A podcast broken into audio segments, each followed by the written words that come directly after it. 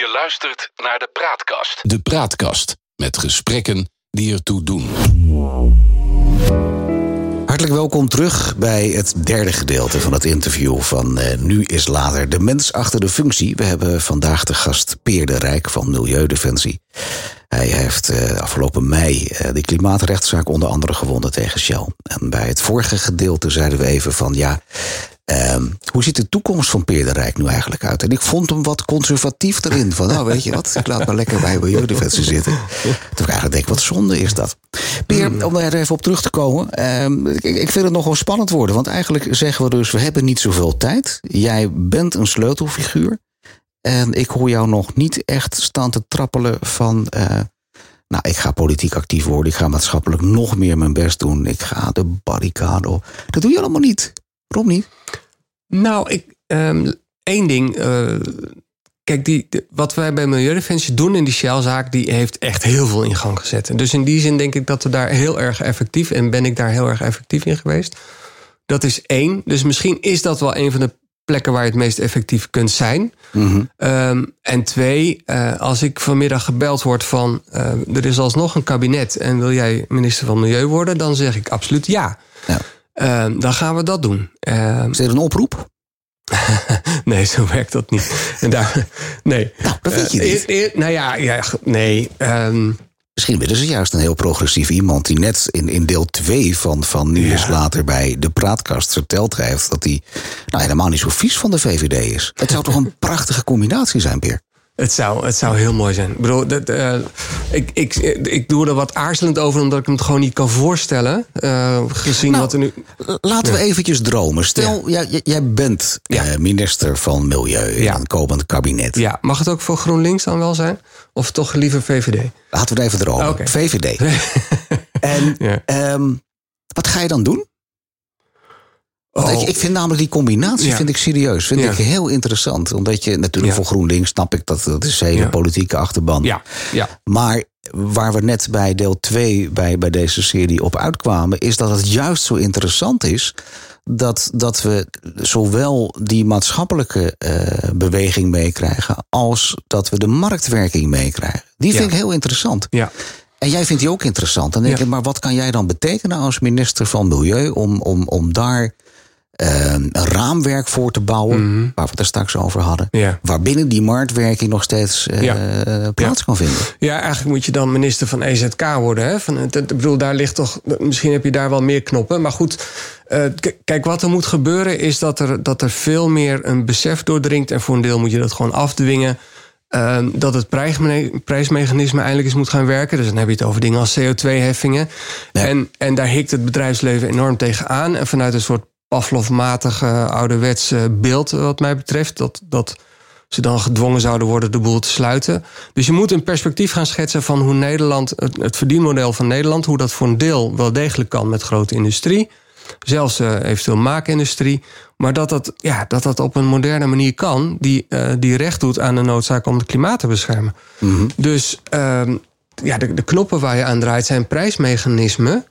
Um, en misschien moet dat op korte termijn zelfs nog wat uh, ondersteund worden. Dat is allemaal prima als die bedrijven zelf ook maar eens echte ambitie gaan hebben om te gaan rennen. Uh, Waarom zou een bedrijf dat doen? Nou ja, omdat het eigenlijk andersom de spiegel ervan is dat ze anders over tien jaar sowieso de tent uh, wel kunnen sluiten. Want of ze worden. neem Tata Steel, daar zijn we nu vanuit Milieudefensie ook naar aan het kijken. Ehm, of vanwege klimaatverandering. Als we niks doen op tijd aan, aan het tegengaan van klimaatverandering dan is het eigenlijk over tien jaar wel zo'n beetje over en uit. Dan schieten we over die anderhalf, twee graden heen. En dan krijgen we te maken met systemen uh, die niet meer in de hand te houden zijn. Dat zal Tata Steel een worst wezen. Nou, als ik, uh, uh, ik vind, ik mag hopen dat zelfs de directie en zeker de mensen die daar werken, dat inderdaad een worst zal wezen, omdat ze heel graag daar over tien jaar misschien ook nog wel willen blijven werken. Um, uh, maar, ja, maar, dan zeg je eigenlijk dat Tata Steel niet overleeft omdat de milieu, uh, of omdat het milieu dusdanig verandert dat dat niet meer gaat werken. Dan denk maar, ik, ja, nou, dat, maar dat, wat, wat we ja. daarin denk ik vergeten is dat de, de, de eigenaren van een Tata Steel mm. of de aandeelhouders. Ja. Ehm, die, die, die raad van bestuur die wil alleen maar zorgen dat die aandeelhouders happy zijn. Dus zijn, jij ja. als politiek, als Ja. jij als minister bent, Ja.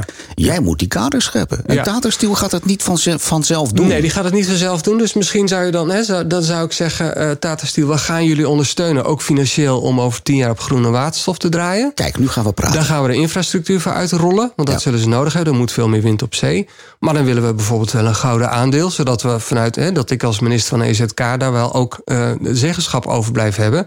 En de winst die jullie gaan blijven maken, want jullie gaan groene staal voor de hele wereld eh, leveren. Ehm, de, de, de winst wil ik nadrukkelijk ook wel eh, binnen Nederland houden en publiek houden. Ja. Dus je gaat toen naar een andere. Het gaat niet meer alleen naar particuliere anonieme aandeelhouders. Nee. Dat- dus op die manier zul je denk ik, en dat, nou ja, Tata Steel is een voorbeeld, ze hebben meer. Je zult misschien ook als minister moeten zeggen, niet alles kan meer. Hè? De, de- eh, ook vanuit het milieuoogpunt en vanuit de structuur van de Nederlandse eh, eh, economie zal niet alles meer kunnen. In elk geval niet hier, misschien wel helemaal niet meer. Eh, kunstmestfabrikage in Nederland, olieraffinage. Als je kijkt naar het vonnis van Shell, dat zou ertoe moeten gaan leiden dat er heel veel minder olie en gas opgepompt gaat worden. Dat is waar, de, waar het vonnis op toeziet. Eh, dus uiteindelijk zullen we daarvan heel veel minder gaan gebruiken. En dus zal er ook veel minder olieraffinage nodig zijn. Snap ik. Ik zit alleen eventjes te, te voelen wat jij als minister dan gaat zeggen. Als minister Peer. Leuke naam trouwens. Ehm, als we het even terugkomen bij Tata, maar dat geldt voor Shell ook. Eh, die gaan met argumenten komen van... ja, meneer eh, de minister Peer, het is leuk met je. Maar als wij het niet doen... ehm, als ik niet als Tata Steel hier het staal maak... dan gebeurt het wel in Pakistan. Dus ja, zeg het Ja. maar. Ja. ja, dat horen natuurlijk echt al, al tientallen jaren. En dat is, Dat is de commercie, dat snap ik ook. Ja, dat zoekt het laagste punt. En daar Ja. moeten we mondiaal vanaf. We hebben met de wereld natuurlijk wel een klimaatverdrag eh, gesloten. Eh, dat, dat, dat leidt ertoe eh, dat al die landen zich zullen moeten gaan houden aan, aan maatregelen of maatregelen moeten nemen die ons op die anderhalf, twee graden maximaal houden. Dat betekent dat die staalproductie daar op die manier ook gewoon niet kan. Ehm, daar kan je natuurlijk heel cynisch over zijn of dat gaat gebeuren. Maar het alternatief is nogmaals dat we gewoon met elkaar accepteren dat we naar de Rasmodee gaan. Dus ik ga ervan uit, daar blijf ik van uitgaan. Daar zou ik als minister ook voor blijven inzetten. Internationaal. Collega's op aanspreken dat we die afspraak hebben. En dat, dat die ook echt ergens over gaan. Dus het is niet langer houdbaar om te zeggen van het waterbedeffect. En dan verplaatst zich dat naar lage lonenlanden. Dat gaat niet gebeuren. En als dat wel zou, zou gebeuren, dan zou het, hè, als het naar India zou gaan, de staalfabrikage, dan kan het alleen als het in India ook op een groene manier de benodigde stroom wordt opgewekt. Ja, En op- maar dat kun je dat- alleen afdwingen. Kun je alleen politiek kun je daar met elkaar afspraken over maken. Ja. En daar zou jij je dan als, als Ja. milieuminister van de VVD of Ja. GroenLinks naar keuze. Ja. Hè? Ja. Zou jij daar, eh, Absoluut. daar sterk voor ja, maken? Zeker. Ja. Leuk. Nou, bij deze de sollicitatie van Peer de Rijk bij de VVD. Het moet niet gekker worden. Ik hoop niet dat je moeder deze podcast hoort. Eh, hey, maar je hebt een achtergrond als actievoerder eigenlijk. Hè? Dat stellen we een beetje vast. En, en, en nu ben je al jaren een formele coördinator. Mm. Ehm, en dat leidt eigenlijk tot twee vragen. Dat, het allereerste, ehm, mis je het ouderwetse actievoeren niet? Letterlijk de barricade op, bij. Dodewaard eh, Ja. op de dijk staan, zeg Ja. maar. Nou, dat, ehm, daar kan ik gelukkig ook nog wel invulling aan geven. Ik doe ook gewoon nog wel mee met, eh, met, eh, met acties. Maar letterlijk mezelf vastketenen aan een, aan een kerncentrale of, of een kolencentrale... dat heb ik al een tijdje niet meer gedaan. Het is niet zo dat dat niet kan of dat ik dat van mezelf niet mag of zo. Dus ehm, als, als ik het gevoel heb dat dat nuttig en nodig is... zal ik dat ook zeker blijven doen. Ja. Ehm, en en de, tijd, ja, de tijd is wel veranderd. Ik bedoel, dat, dat- was in 1980 was dat heel erg gewoon om te doen. En dat is Ja. nu toch net iets anders. Ja. Ja. En, en als je nou kijkt ehm, naar de verschillen in competenties die, die beide functies hebben. Hè. Dus e- enerzijds dat, dat hele formele coördinator, ik. Ja. noem het maar even formeel. Anderzijds lekker losgeslagen actievoerder, anarchistisch, doe maar. Ja. Wat zijn nou de verschillen in competenties van Peer de Rijk die daarin naar boven komen? Wat moet je, wat moet je Nou, een, een, een overeenkomst, sorry dat ik daar dan toch mee begin, is dat je een, toch een behoorlijk groot verantwoordelijkheidsgevoel moet hebben. Want ook in die, noem het losgeslagen tijd, eh, toen ik 14, 15, 16 enzovoort was, ehm, in die hele woeste wilde acties hadden we toch wel heel veel oog voor de verantwoordelijkheid die we daarmee ook op ons namen. En dat ging misschien op een gegeven moment ook leiden dat tot de conclusie van dit is niet langer de weg, want dat, dat gaat misschien niet langer goed. Ehm, maar het. Even denken hoor, wat heb je dan? Wat zijn de verschillen die je daarvoor nodig hebt? Ehm, nou, je, bent, je bent ontwikkeld, hè? Het is. Uh, je bent niet meer het jongetje van 14 nee. in 1980 op de dijk bij Nee, je bent, je bent natuurlijk, ik, ik ben natuurlijk wel veel onbevangenheid raak je kwijt. Um, en, en dat is dat is logisch en dat is goed. Uh, en soms ook wel, nou, verdrietig is een groot woord. Maar het is ook heel fijn om te voelen dat ik die enorme drive en, en elke dag zin om er weer tegenaan te gaan nog wel kan voelen. En ook wel met een soort onbevangen. Kijk, bij Milieudefensie natuurlijk, dat, die, die, dat heb ik geaccepteerd, daar heb ik voor gekozen. Je wordt onderdeel van een grotere organisatie met heel veel eigen interne logica en de noodzaak om, om geld binnen te kunnen halen, enzovoort, enzovoort. Dus je, je conformeert je vanzelf natuurlijk meer aan een, aan een bepaalde structuur. En tegelijkertijd uh, zoek ik, en, en is er gelukkig ook heel veel ruimte. En waar die niet is, zoek ik die ook altijd wel op. Ook binnen zo'n organisatie als Milieudefensie. Ja. Uh, omdat, het, omdat het gewoon belangrijk is om ook ja, binnen zo'n club, binnen zo'n structuur te blijven duwen. En te blijven zoeken naar, naar meer mogelijkheden. En jezelf voortdurend de vraag te stellen: van klopt het wat we aan het doen zijn? Of moeten we niet sneller of langzamer? Of moet het nou, niet meer linksom of rechtsom? Ja. Ja. Nou ja, als, als, als je dit zo samenvat, hè, je vertelde daar straks, het was een deel 2 of deel 1 van deze serie. Uh, je bent ondertussen opa geworden. Je bent uh, eh, 40 jaar verder. Uh, er staat een nieuwe generatie klaar. De Greta ja. Thunbergs van uh, nu, ja. zeg maar. Ja. Met jouw kennis en kunde. Uh, met jouw ervaringen. Wat zou je de nieuwe generatie willen meegeven? Ja, ja dat is interessant. Hè? Want gelukkig is die generatie er. En, en ehm, er was een periode dat we dan, dat we, een beetje mijn generatie, dan dacht van: goh, er, er, valt heel veel over te dragen en kennis te delen en ervaringen te delen. En je merkt dat, daar, dat ze daar helemaal niet zo op zitten te wachten. Uh, uh, omdat ze ook graag heel zelf opnieuw uh, dingen uitvinden. En mm. dan denk je terug aan en mezelf op die leeftijd. Ja, er waren toen ook al mensen die al twintig jaar. En dat daar, daar accepteerde hij ook geen enkele, geen, geen niks van. uh, dus dat hoort er ook gewoon bij. Het is ook heel gezond. Uh, kijk, dat, dat, er wordt gelukkig wel. Dan grijp ik toch weer even terug op die anti-kernenergiebeweging, die zoveel invloed heeft gehad. En ook in het nadenken over organisatie en actievormen. En uh, hoe je het aankijkt tegen democratie. Daar wordt gelukkig wel heel veel van, van geleerd en overgenomen. Ja. Uh, de manier waarop Extinction Rebellion of Fridays for Future of andere jonge organisaties, de manier waarop zij zich organiseren, heeft heel veel weg van hè, wat wij in die tijd deden met de basisgroepen tegen kernenergie. Dus kleinere groepen mensen die elkaar goed kennen, leren kennen en elkaar vertrouwen. Uh, als je tenminste actie wil, wil voeren op een manier die, die, ja, die, die af en toe bijvoorbeeld de, de wet overtreedt. Of uh, jezelf letterlijk blootstelt aan, uh, aan een respons, of vanuit de overheid of vanuit nou ja, andere krachten. Dus dat, daar is denk ik wel heel veel van overgenomen. En er zit ook heel veel elan op, of heel veel drift op van het, het moet. En uh, we durven gewoon. Het, Extinction Rebellion zegt volgens mij: Nederland moet in 2035 klimaatneutraal zijn. Ja, ja ik weet, met alles wat ik weet over het energiesysteem in Nederland. Dat dat niet kan. Dat gaat hem niet worden. Nee. Uh, maar ik vind het fantastisch dat ze dat vragen. Hè? Dat wij eisen geluk en wel hier en nu. Dat is een hele mooie manier om, om jezelf neer te zetten. En ook iets daar zit nog dat jeugdige elan in. Ja, het, het appelleert natuurlijk wel enorm. En, en uh, mensen moeten enthousiast worden van het idee. Het is mogelijk. Het, ja. het is wel mogelijk om de wereld uh, naar je hand te zetten. Maar wat hoor ik dan eigenlijk? Hoor ik dat je eigenlijk zeg, zegt van... Uh, jongens, um, hoop is een hele belangrijke. Mm. Ja. Creëren van hoop? Ja, dat is, dat is wat die Shell-zaak gelukkig ook echt gedaan heeft. Dat is wat jongere actiegroepen op dit moment laten zien. Um, uh, het idee dat je als individu in actie kunt komen, dat je kunt organiseren, dat je heel veel voor elkaar kunt krijgen, dat echt verandering echt mogelijk is. Ja. Um, dat die bestaande structuren gewoon, uh, ja, dat je daar, daar, daardoor heen kunt. Dat het lukt om partijen waarvan je misschien in het begin denkt, ja, die staan wel heel ver van me af.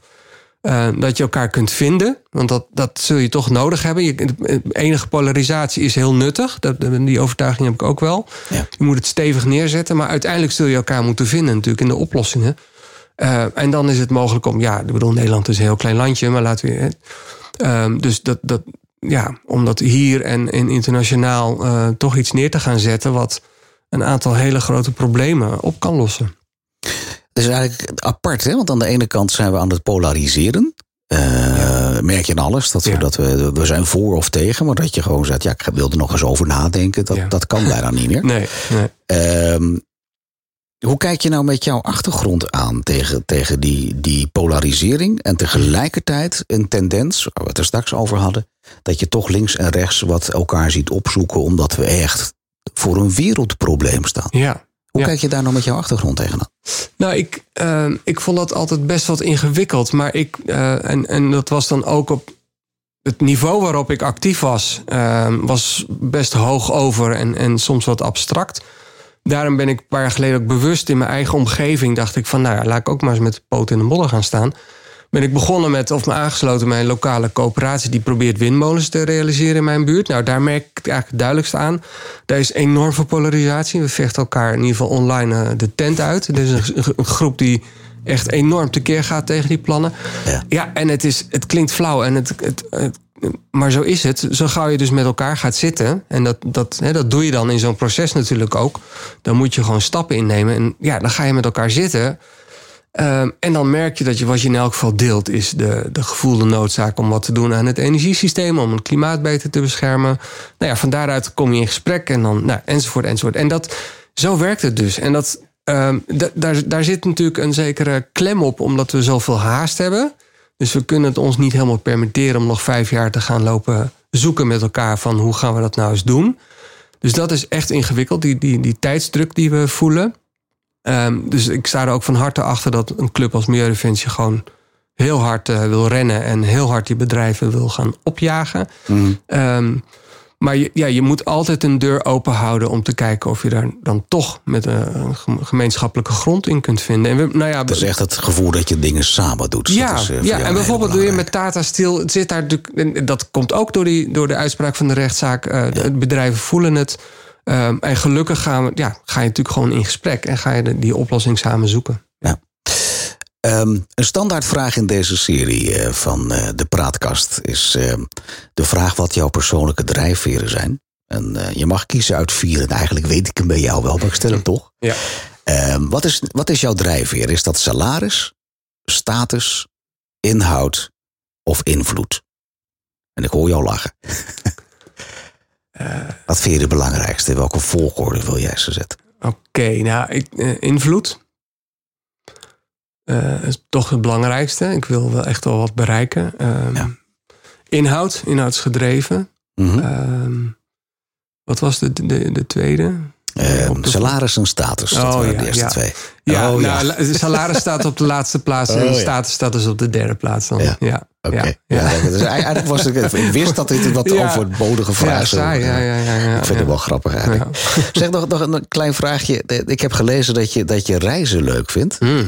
Kun je dat nou wel verantwoorden vanuit je imago en een milieuovertuiging, om het zo te mogen Ja, nou, mijn imago, dat, dat vind ik minder belangrijk. Ehm, het is inderdaad mijn over, eigen overtuiging. Ehm, dus ik vlieg ook al heel lang privé niet meer. Eh, voor werk ook echt steeds minder nadrukkelijke kijken van is het echt nodig?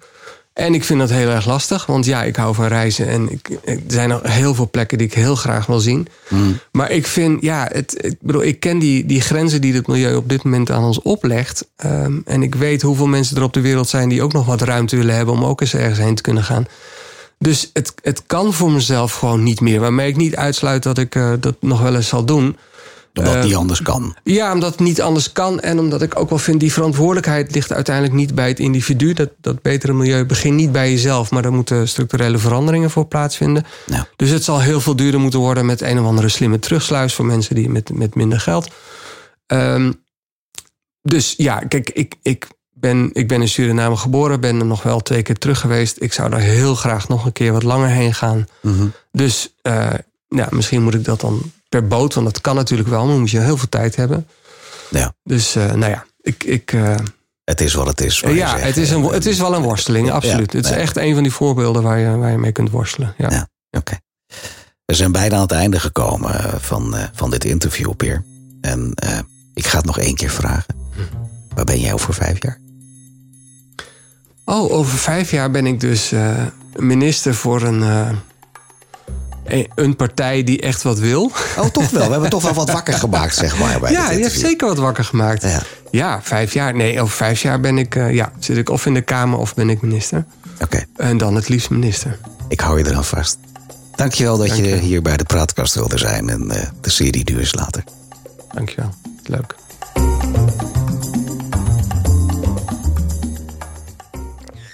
Je luistert naar de Praatkast. De Praatkast met gesprekken die ertoe doen.